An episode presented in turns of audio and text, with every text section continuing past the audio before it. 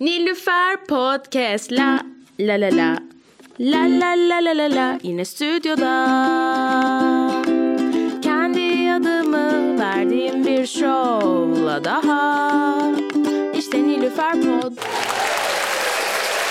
Merhaba, merhaba. Bir tane daha Nilüfer Podcast bölümüne hoş geldiniz. Ee, biz bir süredir yapmıyoruz bu şey. Ben niye almaya başlıyorum hemen?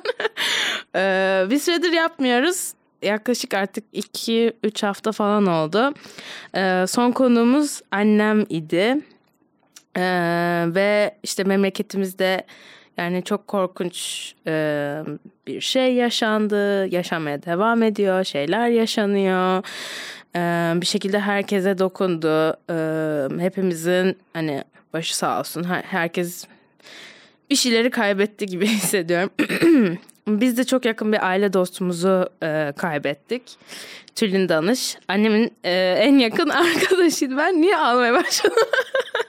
Annemin en yakın arkadaşıydı. Ee, yani o yüzden bizim için de çok zordu. Ee, bu yüzden birazcık arada vermek istedim. Tam olarak hani nasıl döneceğiz, ne konuşacağız, ne konuşmalıyız ee, bilemiyordum. Ee, sonra yani aklımda hani çok fazla yaz vardı. Yani özellikle hani annemi bu süreçte görmek... E, Hani annemin benimle tabii ki benden büyük birisi olduğu için paylaşmak istediği şeyler var yalnız başına e, yaşamak istediği şeyler var. Benim için de hani gerçekten böyle ilk defa kaybettiğim e, yakınım olan ve cenazesine gidebildiğim e, durum bu oldu. E, bu yüzden dediğim gibi aklımda çok fazla yas vardı. Yas nasıl bir şey, nasıl tutulur? Ben önceden halamı kaybetmiştim. Herhalde bana ilk böyle en yakınım olan ama o sırada yurt dışındaydım. Ve o yası böyle tam yaşamadığımı hep hissediyordum. Ertelediğimi falan. Sonra Türkiye'ye geldiğimde işte e, babamın evinde onun işte fotoğraflarını görünce bilmem ne işte tekrardan böyle hani o yoğun duyguların aslında böyle hani atlatılmamış olduğunu tam olarak o yası dediğim gibi yaşamadığımı hissettiğimi fark ettim ve bu son yaşadığımız şeylerde bana tekrardan bunları hatırlattı ve e, annemin çok yakın bir arkadaşı var Süheyla diye. Ee, ben büyürken de biz ne, kendisi hani psikolojide uzmanlı, kendisi de akademisyen ve e, onunla hani böyle annemle mesela ne zaman böyle bir şey yaşasak bir sorun yaşasak ben böyle hani şey falan diyormuşum böyle. Anne bence bunu Süheyla'ya danış falan. Ve e, biz işte hani annem Süheyla ben buluştuk e, geçen hafta. Bahsediyordum işte böyle yaz falan konuşmak istiyorum. Sence kimlerle konuşabilirim? Derken e, Süheyla bugünkü konumuzu önerdi. E, yaz konuşmak için değil belki. E, kendisinin çünkü e, uzmanlık alanı ebeveyn koçluğu, duygu koçluğu. Bence ben daha çok konuşmadan kendisine tanıtalım. Bugünkü konuğumuz Elif Garipoğlu. Hoş geldin. Hoş bulduk. Öncelikle başınız sağ olsun. Çok teşekkür ederim. Ee, e, Elif Garipaoğlu. Garipaoğlu. Hiç önemli değil. Ee, ben de diyorum niye bulamıyorum internete baktığımda. Hiç telefonumda da Garipoğlu diye kaydetmişim. Evet, genel ben bunu doğduğumdan beri yaşıyorum yani o yüzden benim için çok tanıdık bir şey. Ee, Süheyla Hoca'dan referans almış olmak ayrıca çok e, gurur verici bir şey benim için. Teşekkür ediyorum kendisine tekrar. Evet ben ebeveyn koçluğu yapıyorum. E, duygu koçluğu yapıyorum. E, yürüdükleri yollarda zorlandıklarını düşünen ebeveynlerle birlikte bir yol arkadaşlığı yapıyorum. E, biraz böyle başlayabiliriz belki. Evet hani seni de tanımak olarak. Bu arada Hı-hı. sen Süheyla'yı nereden tanıyorsun? Evet Instagram'da çok seviyorum, seviyordum paylaşımlarını. Yani o kadar gerçek, e, birleştirici, e, samimi e, ve e, eşitlikçi bir yerden paylaşıyor ki içindeki o birikimi, o derin birikimi oradan e, çok çok çok severek takip ettiğim, saygı duyarak takip ettiğim biriydi. Hı hı. Daha sonra e, biz Süheyla Hoca'yla e, böyle gelmiş böyle mi gitsin videoları yaptık.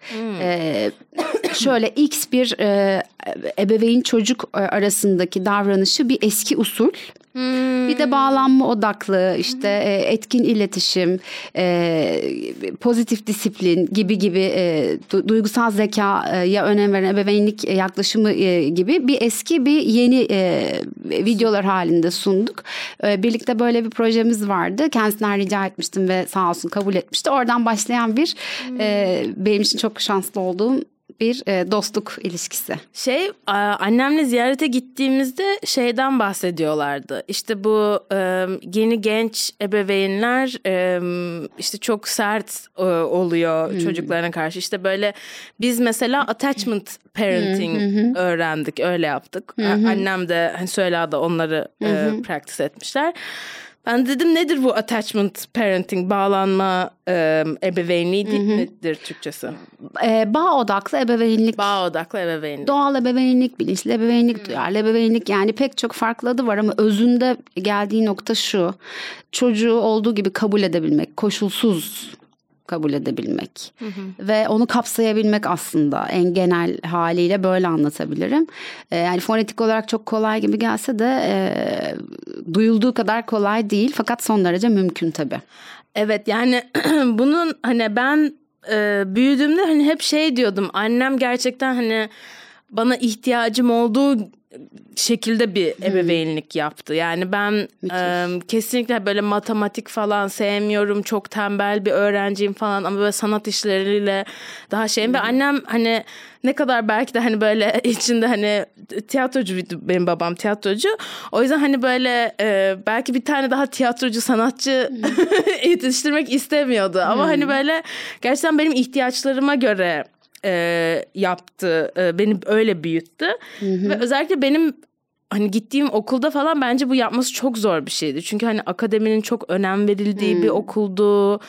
Ee, o yüzden yani bana çok enteresan geldi. Ha bunun bir adı varmış hani. Yani çok e, çok şanslısın bir kere. E, gerçekten de. büyük bir şans. Yani e, senin çocukluk zamanına denk gelen yıllarda davranış odaklı ebeveynliği bırakıp ihtiyaç odaklı ebeveynliği seçmek bile başlı başına bir cesaret. Hani bunu uygulamayı bir kenara bırakıyorum. Bunu seçmiş olması bile bir cesaret örneği aslında. Ve güçlü olduğun yanları cilalamak, parlatmak da bunun bir uzantısı çıktısı belki belki. Yani matematiğin kötü diye matematikten ders aldırılmamış sana da resim kursuna gönderilmişsin orada iyi diye gibi bir şey var değil mi ortada? Evet evet. evet çok çok şey. şanslısın şey. yani. Evet. Davranış odaklı ebeveynlikten aslında geliyor başımıza ne geliyorsa. Nasıl yani? Yani şöyle e, diyelim ki iki kardeş var. Hı hı. Ya da bir çocuğun parkta gitti birine vurdu. 5 yaşında. Hı hı. Uyduruyorum şu an. Yani biz hemen orada e, öncelikle e, tabii ki vurmayı durduralım. Şiddet okey yok yani ama e, durma vurma davranışını bitirmek üzerine bir odağımız oluyor. Oysa ki o vurma davranışının altında bir karşılanmamış ihtiyaç oluyor. Yani o çocuk niçin gidip de orada kendi halinde oynayan sarı kamyonlu çocuğa çat diye vuruyor. Mesela e, davranış odaklı ebeveynlikte vurma davranışını durduruyoruz. Diyoruz ki ayıp tırnak içinde kardeş kardeşe vurulmaz.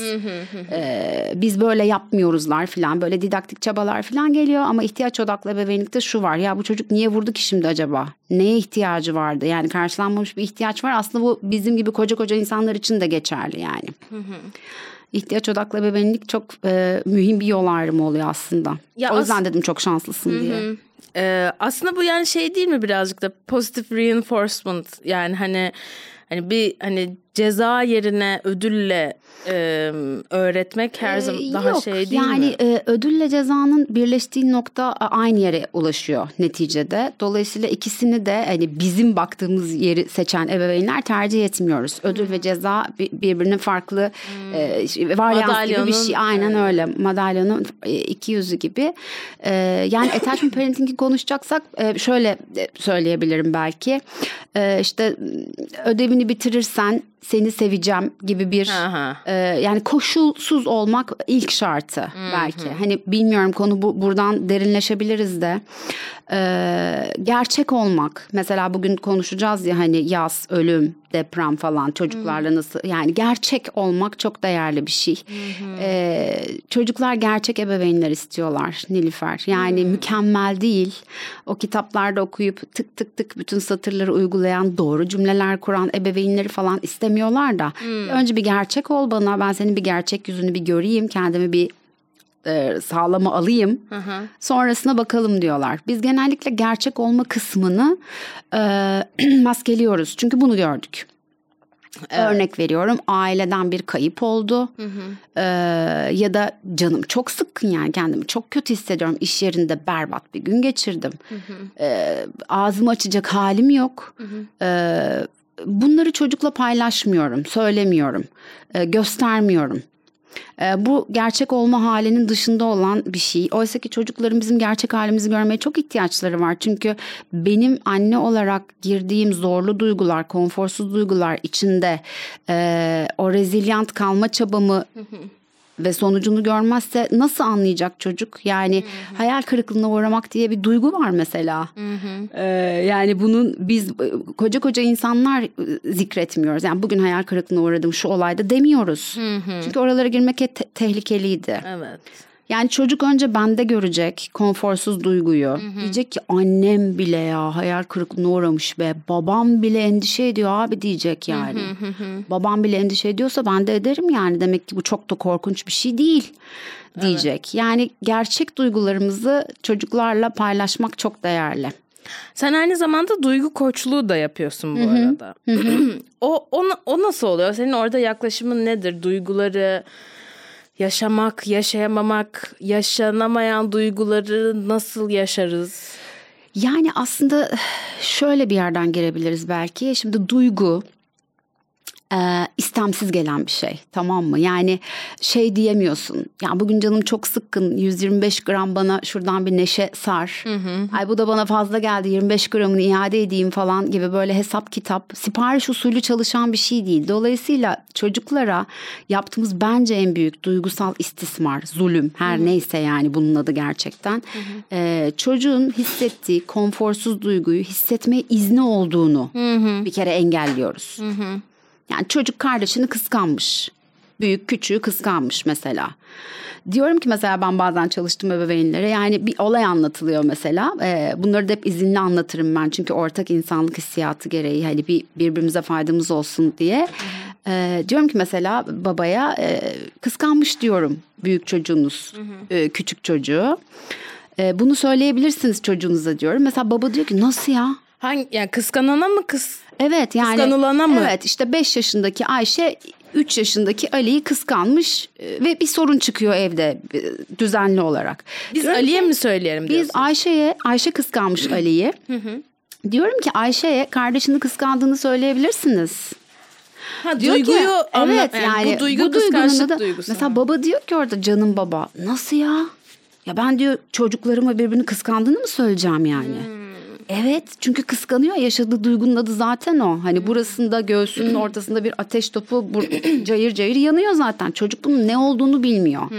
Yani duyguların e, olumlusu ve olumsuzu yok. Haklı ve haksız yere geleni gideni yok. Duygu var ve geliyor ve bir mesajı var. İhtiyaçlarımızla ilgili aslında bize erken uyarı sistemi gibi bir şey duygular. Ee, o duygunun altındaki ihtiyacı yakalayıp onu karşılamak bizim görevimiz aslında bu. Hem çocuğumuza hem kendimize karşı hem ilişkide olduğumuz insanlara karşı. Yani duygu koçluğunda biraz buraları çalışıyoruz aslında. Peki şimdi e, bedava bir seans. Eyvallah. Şöyle bir sorunum var da benim. Ben şunu çok yaşıyorum. Mesela bir şey yaşıyorum. Onun e, duygusu sonradan geliyor ve o duygunun ne olduğunu tespit etmem de birazcık vakit alabiliyor. E, mesela sence bu süreci hızlı nasıl hızlandırabilirim?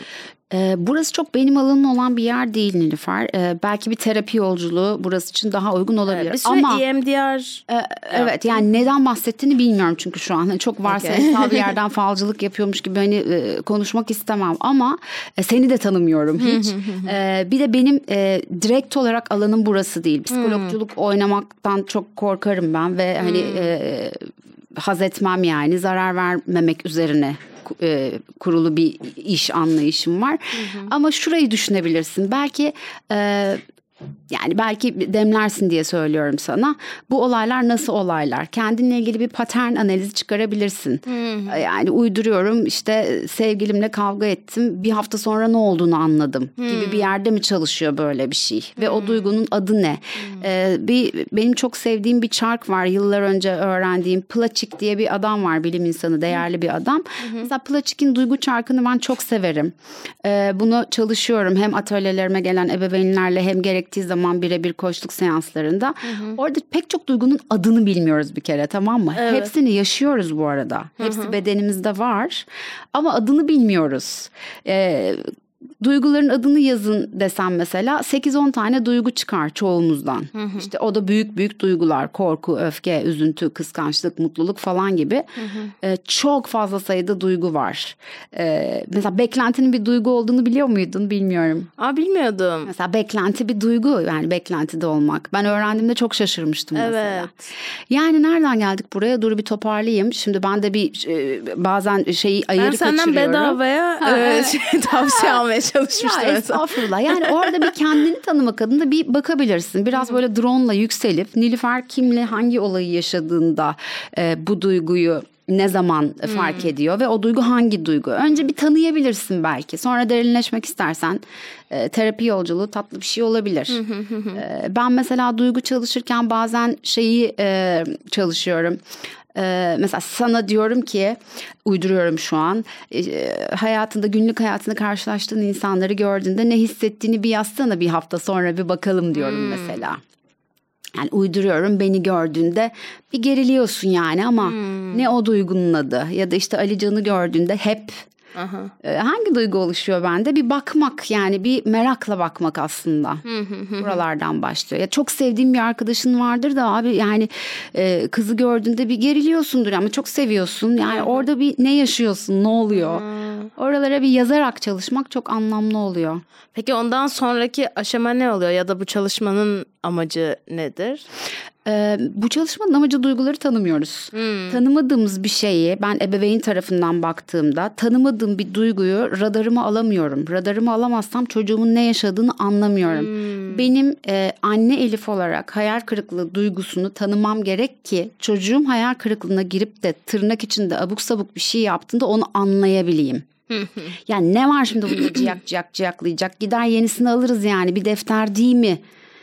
De kalmamak için evet. çocuğumun örnek veriyorum bir saat önce yaşadığı hayal kırıklığını tanıyabilmem gerek. Evet. Yani radarımda olması gerek o duygunun ki Hı-hı. çocuğumun ne yaşadığını anlayayım. Anlamazsam davranışçı bir yerde kalıyorum. Hı-hı. Ve o defteri yırtıldığı için o kadar ağlamasını durdurmaya çalışıyorum. Hı-hı. Abarttın diyorum o defter için saçma sapan gider alırız beş tane Hı-hı. daha diyorum. Ya da olur böyle şeyler bu kadar uydu şey yapma diyorum abartma diyorum. Hı-hı. O sen daha şimdi buna bu kadar ağlıyorsan hayat çok zor kızım neler neler geliyor. Bir sürü e, iletişim kamburu, iletişim engeli. Hı-hı buralara çok rahatlıkla girebilirim. Çünkü zaten ezberimizde bu var. Hı hı. Yani çoğumuzun anası babası hani Danimarkalı, Norveçli falan değildi. Dolayısıyla hı hı. bilmiyoruz ama öğreniyoruz. Peki o zaman mesela yeni ebeveyn olacak, olmak isteyen e, gençler, hı hı. belki not so gençler, e, onlara tavsiyen nedir ya da sence nasıl yaklaşmak gerekiyor? Çünkü ben şey gibi hissediyorum. Ya hem anne babası boşanmış bir e, aileden geldiğim için hem de hani e, genel olarak bu iş anne ve babayla başlıyor ya. Hani sanki böyle hani sadece birisinin değil ikisinin birlikte yaklaşımı çok önemliymiş gibi geliyor bana. Tabii bir paket meselesi bu çünkü. Yani e, eğer bir anne ve baba varsa e, hayatta. Hı hı. E, bu bir ekip işi, takım işi. Hı hı. E, tavsiye e, ne diyebilirim? Yani benim ilk aklıma gelen nasıl şey. hazırlanabiliriz? E, Mesela ben çocuk yapmak istiyorsam hı hı. hani e, annem hep şey der hani ben ne çok der? okudum. Hı, hani hı. annem beni çok isteyerek yapıyor. İşte gençken hiç çocuk istemiyor. Hı. Sonra babamla evleniyorlar. Amerika'da doktorasını yapıyor annem. Kaç yaşında doğurmuş Beni seni? 32 yaşında doğuruyor. Hı. Ki aslında genç değil o zaman. Tabii o zamana için. göre evet. Ee, 94'te doğuyorum. İşte sonra hani Ankara'ya taşınıyorlar. Bilkent'te öğretim üyesi annem artık stabil hissediyor. Okey artık yapabilirim diyor ve isteyerek de yapıyor ve hani çok çalışıyor. Bütün işte what to expect when you're expecting'ler hani bütün o Amerikan şey kitapları olur ya böyle çoluk çocuk doğumu falan filan. Onların hepsini okuyor ve hani çok bilinçli bir şekilde yaklaşmaya çalışıyor.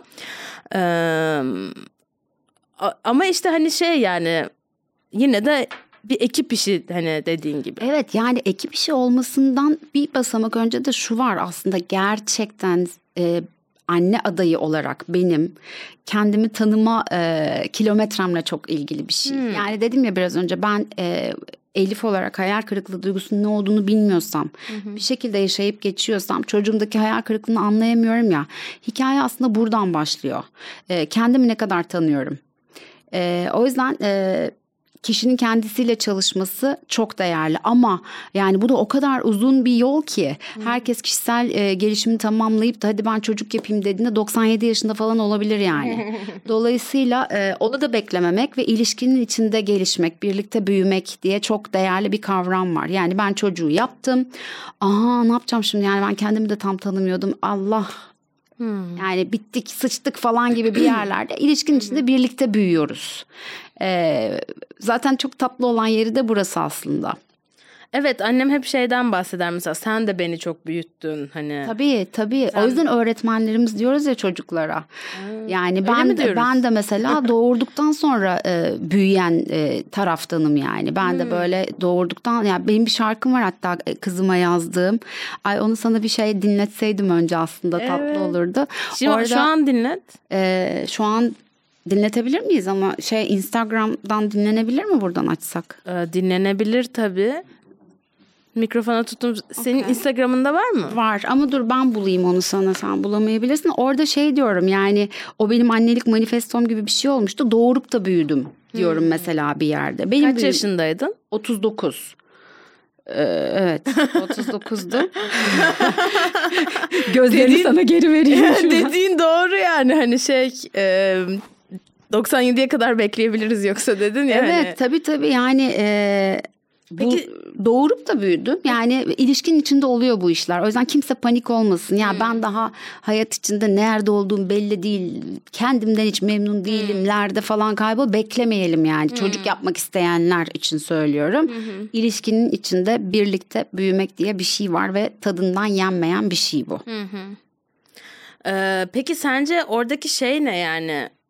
Senin için ya da o büyümeyi tetikleyen şey ne oldu sence ebeveynliğin getirdiği? Ya bunun çıkış noktasını bilmiyorum aslında ama e, kendiliğinden oluştu.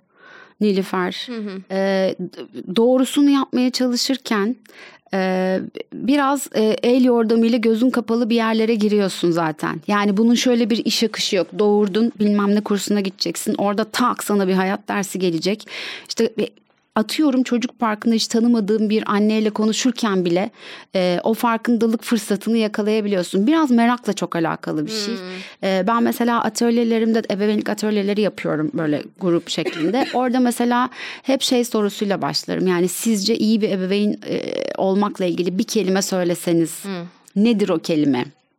Derim mesela. İşte bir sürü cevaplar gelir. İşte vicdan, fedakarlık, sevgi, e, yorgunluk bilmem ne şudur budur. Hepsi doğrudur bu arada ama hepsini böyle çatısında e, şemsiyesinde birleştiren şey merak duygusu. Hmm. Merak da bir duygu çünkü. Aslında bunu da mesela hmm. çoğunlukla bilmiyoruz. Merak evet. basbayağı bir duygu. Hmm. E, çünkü ancak merak ettiğin bir konuyla ilgili kendini geliştirebilirsin. Hmm. Mesela davranış odaklı ebeveynliğe geri dönecek olursam çocuk işte bir sayfa yaparken kenarı yırtılmış kıyametler kopuyor. Hı hı. Şimdi ben orada merak etmiyorsam ne oldu ya bu çocuğa şimdi burada böyle bir, bir sayfanın ucu yırtıldı diye bu kadar yaygara çıkmaz normalde değil mi? Evet. Ama çıktı.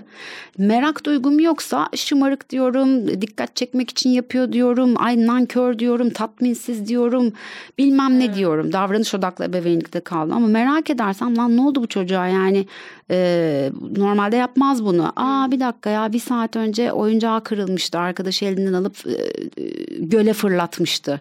Hmm. Gibi bir merakla yaklaşırsam ancak e, çözebiliyorum. Çocuğumu da kendimi de yani bende bu e, güçlü merak duygusu sonra doğumdan sonra oldu. E, pek çok insanda da kadında yani kadınları biliyorum erkeklerde çok böyle çalışmıyor sistem genelde. Hı hı. Böyle oluyor. Hmm, bir şekilde hayata karşı merakta mı artıyor? Evet yani tabii yani ihtiyaç odaklı e, bir e, yola girdiğinde meraksız gidemezsin orada. Çünkü ben zaten teşhisini koyduğum bir şeye dönüp niye bir daha bakayım ki şımarık diyorum çocuk. Hı hı. Çok huysuz benimki bugün diyorum. Huysuz benimki bugün diyorum. Arkamı dönüyorum, devam ediyorum ve yaptığı bütün davranışları huysuzluk e, başlığı altında sıralıyorum. Hı hı. Oysa ki huysuz değil o çocuk. Orada karşılanmayan bir ihtiyacı var ve ben merak etmezsem dönüp buraya bakmıyorum yani. Hı hı. Onu demek istiyorum. Benim kendi yolculuğumda kendime karşı e, beslediğim merakla e, açıldı hı hı. ve devam ediyor ve edecek bitmeyen bir yer çünkü burası. Anladım. Ee, istersen yavaştan asıl burada olma sebebimize bugün hani... Aa, unuttuk onu ya. Evet değil mi? ya konuşmak istediğimiz şeylerden de birazcık bahsedelim istersen. Ee, yani evet hani sen şey dedin hani ben yaz konuşmak istediğimi söyledim. Sen de hani bu konular e, hani ya, spesifik olarak yaz değil belki ama hani çocuklara bunları nasıl anlatabiliriz? Nasıl konuşmak gerekiyor? Nasıl yaklaşmak gerekiyor? Onları konuşabiliriz dedin. Benim de açıkçası çok hoşuma gitti. E, çünkü benim birkaç tane hani küçük yaşta e, ebeveynlerini kaybetmiş arkadaşlarım oldu. E, ve şeyi bir ara duyduğumu hatırlıyorum. Böyle yani çocuklar o yaşta yaz tutmayı bilmiyor küçük yaşta. O yüzden ertelemiş oluyorsun, ertelemek zorunda kalıyorsun hmm. ister istemez ve başka bir noktada o yası tutmak gerekiyor. Ee, ve şu anda bir sürü çocuk e, bununla e, evet, yüzleşmek, yüzleşmek zorunda. O yüzden hani nasıl yaparız? Nasıl anlatırız çocuklara kaybı, depremi? E, nasıl yaklaşmak gerekiyor sence? Evet belki bu soruyu e, iki farklı şekilde başlıktan gitsek belki daha anlamlı olur. Birincisi bunu bir, birinci dereceden yaşayan bir çocuktan mı bahsediyoruz yoksa hani ikinci hmm. travma denilen şey tanıklıktan dolayı gelen bir yerden mi? Belki ikinci şık e, daha e, ya da ikisini de konuşabiliriz belki. İstersen ikinci şıkla başlayalım. Yani ikinci travmaya evet, yaşayan yani orada e, belki şuradan başlamak yine daha anlamlı olabilir Nilüfer. Travma ve yas aynı şey değil. Hı hı, Biz bunu tabii. çok karıştırıyoruz halk dilinde. Benim hı. gördüğüm kadarıyla işte travma yaşadım, travma yaşadı çocuğum. O kadar kolay bir şey değil. E, yas çok doğal bir şey. Yani bir kaybın ardından her insan yas tutar. Çünkü orada üzüntü vardır aslında. Yani bir çocuğun en sevdiği oyuncağı kırılır ve çocuk onun yasını tutar aslında. Yani yas bir de sadece ölümle eşlenik vaziyette ya bizim toplumda. Evet, bu, öyle bir bu şey da çok büyük aslında. bir yanılgı. Yani en sevdiğin arkadaşın taşınmıştır. Yas tutarsın abi yani en sevdiğin arkadaşın gitti kaybettin onu yani. Hı hı. Ya da en sevdiğin oyuncağın kırılmıştır, hayvanın ölmüştür, petin bir şeyin hani hı hı. ne bileyim e, taşınmışsındır. Eski evinin yasını kardeş gelmiştir. Annenle eski ilişkinin yasını tutuyorsundur. Yani yaz o kadar hayatın bütün genelinde ki yine merakla görebiliyoruz aslında bunu. Ee, kardeşin olmuştur ve sen annenle eski ilişkini özlüyorsundur ve artık o yoktur ve olmayacaktır aslında. Başka bir formu vardır.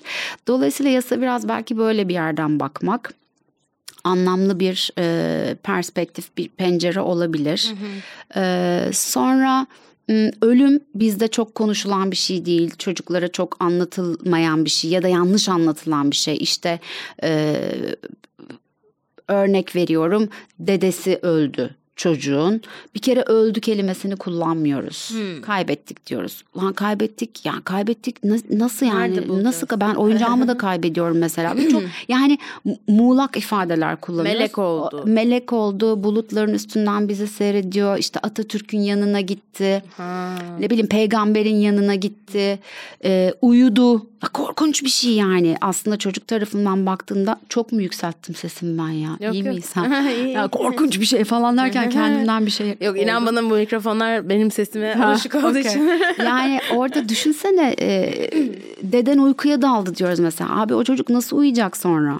yani e, çocuklara e, yaşlarına göre gelişimsel e, özelliklerine göre mesela üç kelimeyle konuşan bir çocuğa oturup bunu böyle anlatmalarca e, devam edebiliyoruz bazen. Yok yani yaşına göre, e, sorusuna göre. Bir de çocuğun bu konuyla ilgili ne bildiğini bilmek çok değerli.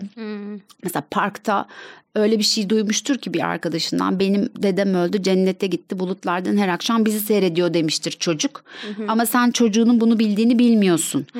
Öncelikle çocuğunun bu konuda ne bildiğini anlamaya çalışmak. Hmm. çok mantıklı. Çok değerli. Ee, ve sorduğu soru kadar yanıt vermek çok değerli. Çünkü bizde yine bence şöyle bir şey var.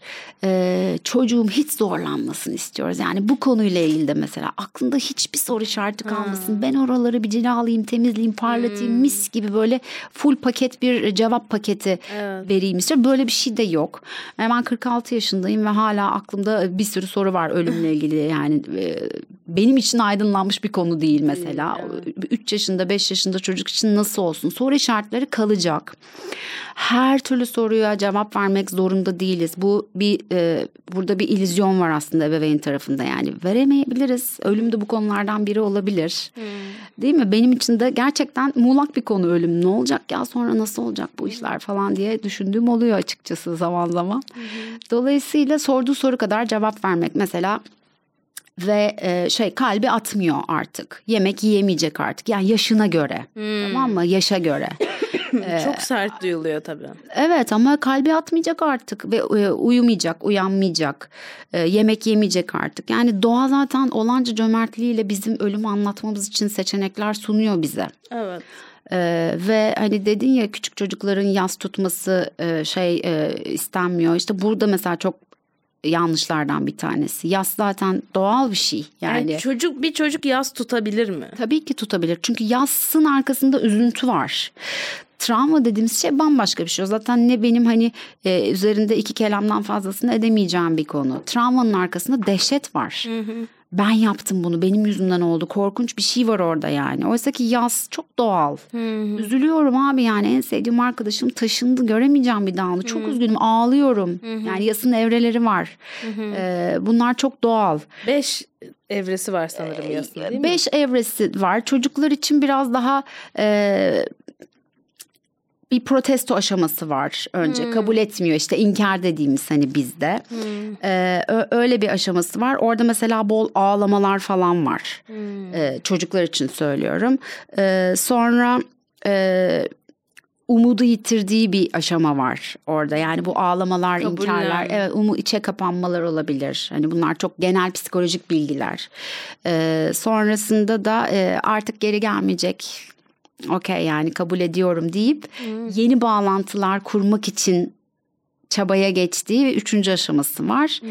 Ee, bunları merakla bakarsak ancak görebiliyoruz. O yüzden diyorum merak iyi bir ebeveyn olabilmenin yani ideal iyi neyse bunun adı bilmiyorum. Birinci koşulu. Hı Ee, yani bilgi ediniyoruz bilgi çağındayız ve çok kolay bilgiye ulaşmak ama bunu e, işlemek ve hayata geçirmek çok hı hı. değerli. Yani derin bilgi dediğimiz evet. yer. Yani bir gün içinde 100 tane yeni bilgi öğreniyorsundur da bunlardan iki tanesini çocuğun olan ilişkine Hı. geçirebiliyorsundur. O derin bilgi iki oluyor orada. Hı hı.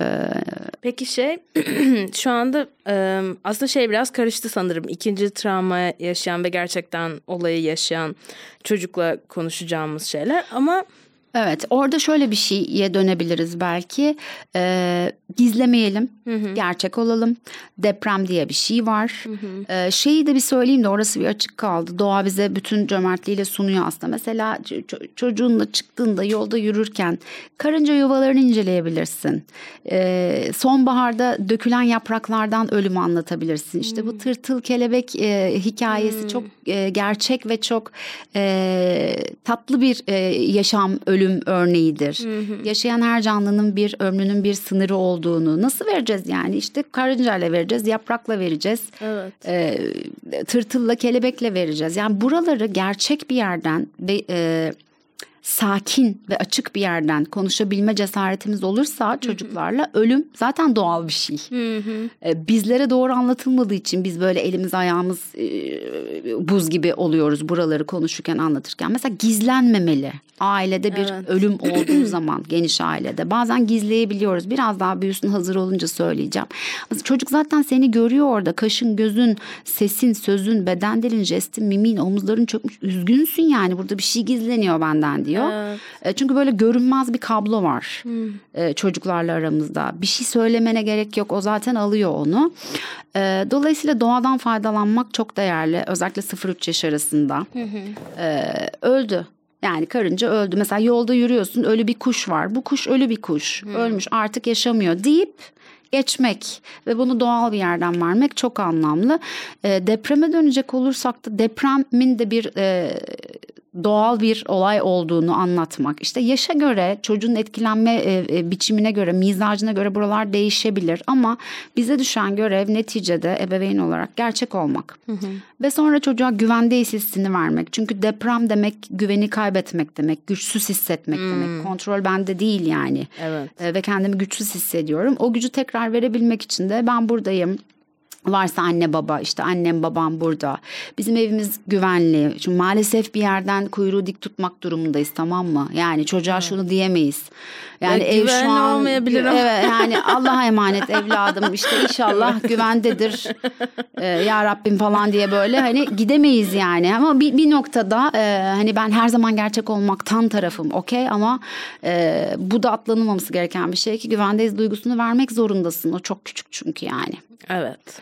Ee, buradayız, birlikteyiz, biz gerekli önlemleri aldık gibi bir yerden çocuğu toparlamak lazım. Rutinler çok önemli. Rutinler çocukları çok güvende hissettirir. Hayat devam ediyor gibi. Ve tabii ki içeriklere maruz kalmamaları çok çok çok önemli. Evet. İşte haberde, telefon görüşmesiydi, arkadaşla konuşurken falan filan. Buralar bizim çok İmkansız diye düşünüyorum. Yani Ya en çok- azından çok mesela imkan- ortaokuldaki bir çocuğu bundan koruyamazsın şu Ha, anda. tabii tabii tabii. Benim e, şu an konuştuğum yaş aralığı daha e, 0-7 yaş arası belki. E, hani okula karışmış veya e, karışmamış da olabilir. E, bu bizim biraz e, aslında sorumluluğumuz da Nilüfer. Yani e, ben mesela ben yaptım falan gibi saçma sapan bir yerden konuşmuyorum ama çok dikkat ediyorum. Ee, ve e, benim de 7 yaşında bir kızım var ve biliyor Türkiye'de deprem oldu. Bazı insanlar zor durumda kaldı, evleri yıkıldı. Mesela biz bir, bir sürü bir şeyler yaptık. Yani çocuklara hani dayanışma ve iyilik yapmak. Mesela iyilik yapmak çok güçlü bir regülasyon kaynağı. Evet abi hepimiz çok kötüyüz yani berbat günlerden geçiyoruz. İyilik yaparak da kendi regülasyonumuzu sağlayabiliriz. Bu nedir? İşte paran varsa para gönderirsin, eşyan varsa eşya gönderirsin, gider bir yerde yemek yaparsın. Mesela ben de kendi kızıma işte e, yetişkin olarak yaptıklarımızın dışında pakete dahil ederek e, oyuncaklarını ayıkladık, kıyafetlerini ayıkladık ve gönderdik. E, mesela bu da e, paketin içinde olan şeylerden biri dayanışma. Evet. Anladım. Eee, ya evet bu konu ya ben mesela 99 depreminde 5 yaşındaydım. Eee, biz Ankara'da hissetmiştik eee, yine. Babamın evinde kalıyordum. Bir de Bodrum katında falan da o ev yani. Eee, birazcık sallanmıştık. Sanırım oraya 4 gibi bir etkisi olmuştu. Çok hatırlamıyorum. Ama mesela sonrasında hiç konuşulmadı, edilmedi. Yani aslında böyle ilk defa ben hani e, gerçekten nasıl bir şey olabildiğini görüyorum. Ama tabii hiçbir zaman böyle o, olamamalı. Ee, o da bizim politik olmayan podcast'imizde Ee, küçük bir şey oldu. Neyse. Ee, peki şey Yani geçiştirmemek gerekiyor aslında. Senin bu 99 depremini konuşmadık demenin üzerinden belki bunu bir kısaca geçebiliriz. Bir şeyleri geçiştirmeyelim. Çocuklarla konuşalım. Çünkü gerçek olan bir şey var ve sen konuşmasan da çocuk bunu görüyor. Nokta. Kesin bilgi yani. O yüzden biliyor musun bugünlerde ben biraz üzgünüm. Beni ağlarken görmesin istiyoruz mesela. Abi niye görmesin? Ben insanım ve üzüldüğümde ağlayabilirim. Yani beni ağlarken görsün çocuğum. Evet kendimi duvarlardan duvarlara, halılardan halılara atmayayım yani. Ee, bir tantrumlar bir şeyler geçirmeyeyim ama beni ağlarken görebilir çocuğum ve bunu söyleyebilirim. Oldu deprem oldu, e, zor durumda olan insanlar oldu ve onlar için üzülüyorum. E, yaz tutuyorum da diyebiliriz mesela bu yaz tutmak kavramını da çocuklara e, repertuarlarına vermek çok değerli. Çok hmm. çok değerli. Ama bunun için bir deprem haberi olmasına gerek yok. Yani e, bu kavramları çocuklara erken yaşlarda vermek işte onları yetişkinlikte çok rezilyant tutacak şeylerden biri. Yani üzgünüm ağlıyorum. E, bunun seninle ilgisi yok. Evet. En önemli mesajlardan biri bu. Seninle ilgisi yok. Üzüldüm, ağlıyorum. Geçecek, toparlayacağım deyip geçirmiş halimizi de göstermek. Çünkü evet. düştüm, bir şey oldu ama kalktım ve devam ediyorum. Evet. Evet, ebeveynlik genel olarak çok zor bir şey. Her ebeveyn buradan tebrik çok ediyorum ve Vallahi geçmiş zor olsun. yani. evet Böyle... ben de bu aralar düşünüyorum anne olsam mı hmm. bir gün olmasam mı? Yumurta dondursam hmm. mı? Muhtemelen dondurmam gerekiyor çünkü hmm. 35'ten önce istemiyorum. Hmm. ya benim için her zaman şey çok büyük bir şey oldu ebeveyn olma çerçevesinde. Ben kesinlikle boşanmak istemiyorum. Boşanacağım e, bir ilişkide de bir çocuk yapmak istemiyorum. Hı hı. O yüzden muhtemelen çocuk yapmayacağım diye düşünüyordum. E, fakat biriyle tanıştım. Dört ay, ay oldu.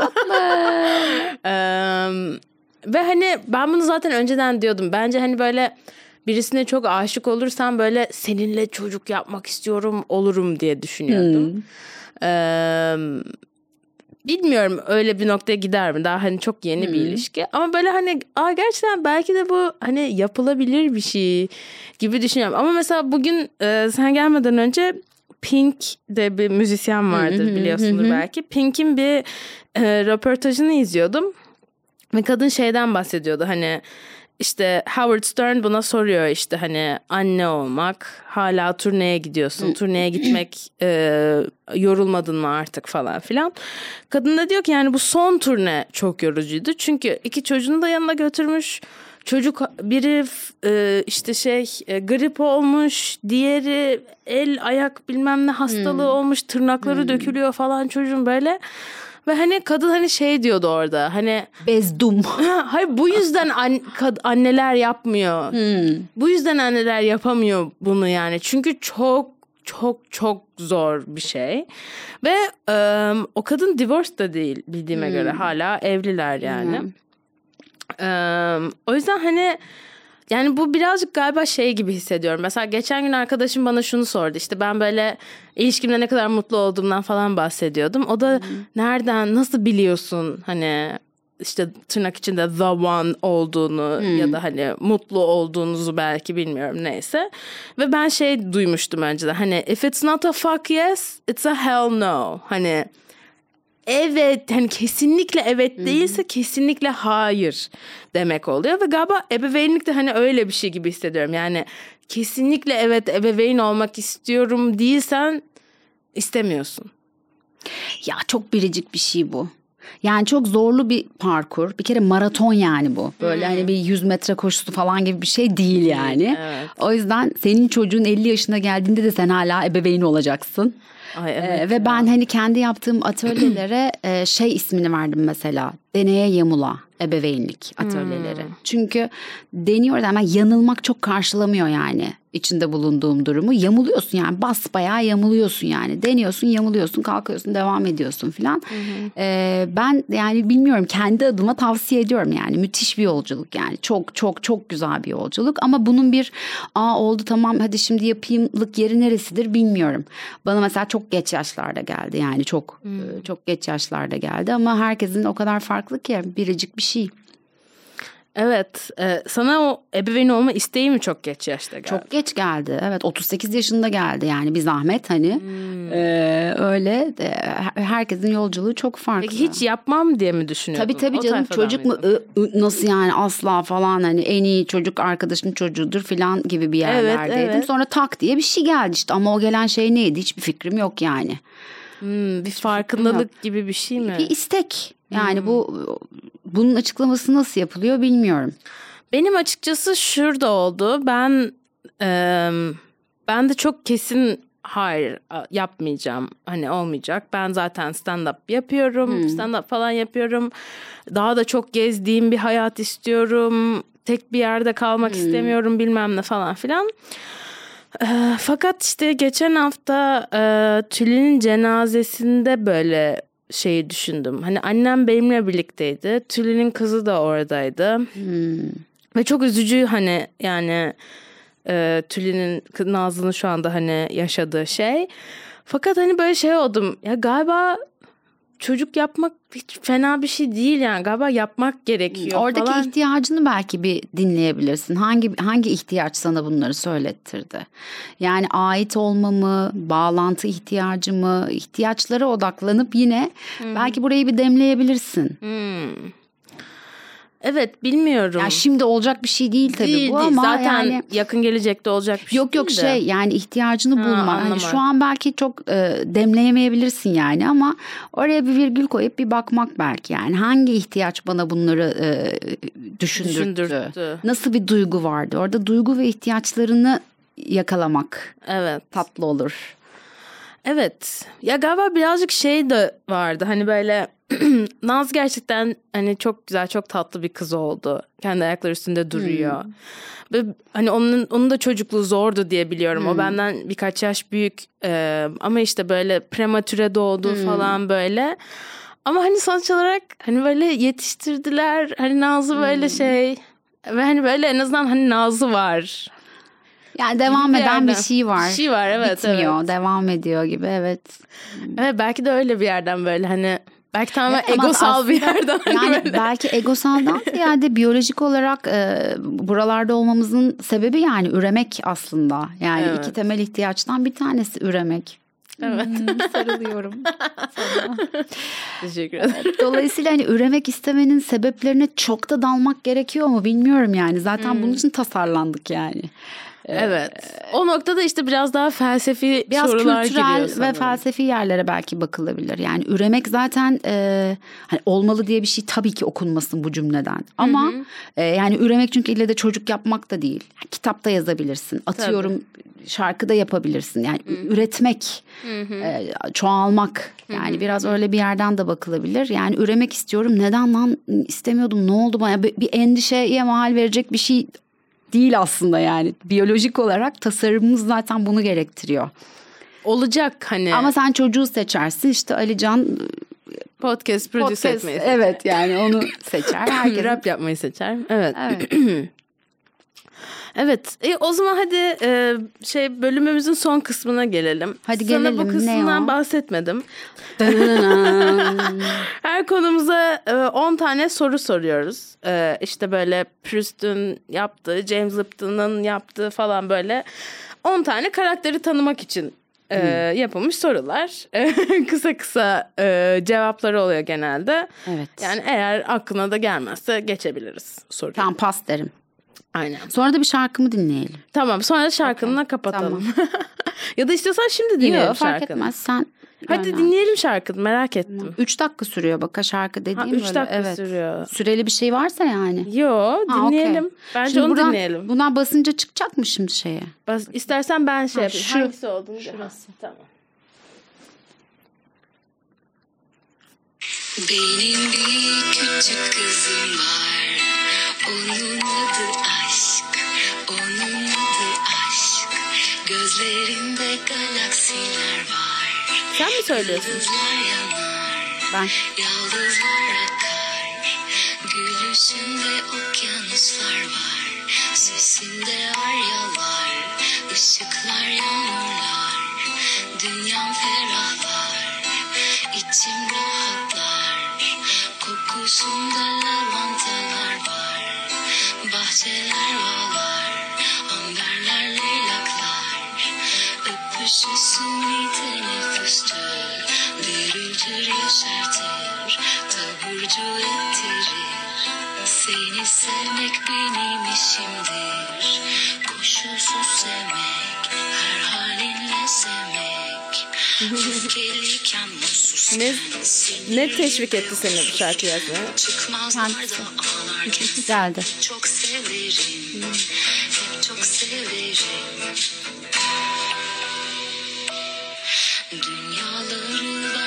İsterim. Verebilir miyim? Vermeli miyim? Okey vermemeliyim fener olmak çok zor. Pençeni cebine koy. Sadece yanımda ol. Hep yanımda ol. Bazen işler değişir. Fırtına kopu verir. Sinirler bir gerilir Sesler yükselir Ve anne delirir Güzelce belirir Kara delikten geçilir İlk biletle dönülür. Hemen tamir edilir Umarım edilir Doğurup da büyüdüm Seni beni büyüttüm. Daha yolun başında Fakülteler bitirdim. Teşekkür ederim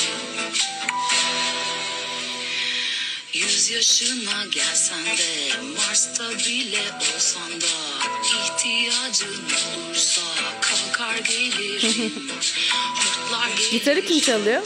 Arkadaşım. çok severim. Hep çok severim. Gökkuşağım neşemsin. Bayağı uzun bir şarkı.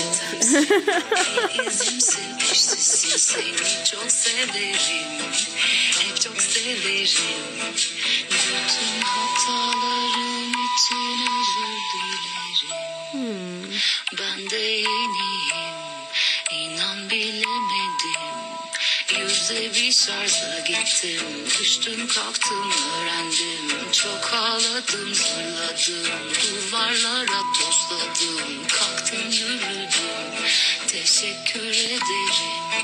Yaram olmasın, sırtın yere gelmesin.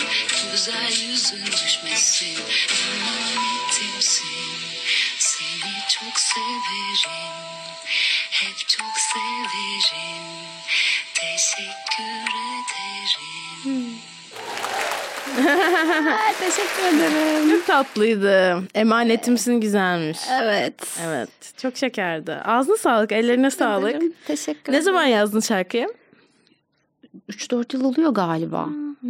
N- Yani ne tetikledi? Şarkı yazar mısın? Ya şöyle yok ya şarkı falan yazmam hiç öyle bir şeyim yok. Ee, pratiğim yok ama bu çok geldi içimden. Bir delirmemek için bir şey çıkması gerekiyordu benden. Bu çıktı ve bence virajı aldım yani. Kö- Köşeyi döndüm İyi yani. de geldi. Evet bir, beni rahatlattı yani. Bir şey çıkması gerekiyordu. Ben çok yazı yazıyorum işte Hmm. Instagram'da falan. Kendimi rahatlatmak için benim regülasyon kaynağım o. Daha çok mizah ve yazı yazmak üzerine kendimi dobarlıyorum. Aha. Bu böyle istisnai bir şey çıktı. Biraz benim kendi anneliğimin manifestosu gibi bir şey belki. Bilmiyorum öyle. Çok tatlı. Çok evde ninni olarak dinleniyor. Hatta geçenlerde biriyle konuşuyorum tanımadığım biriyle. Ee, 6 yaşındaymış çocuğu.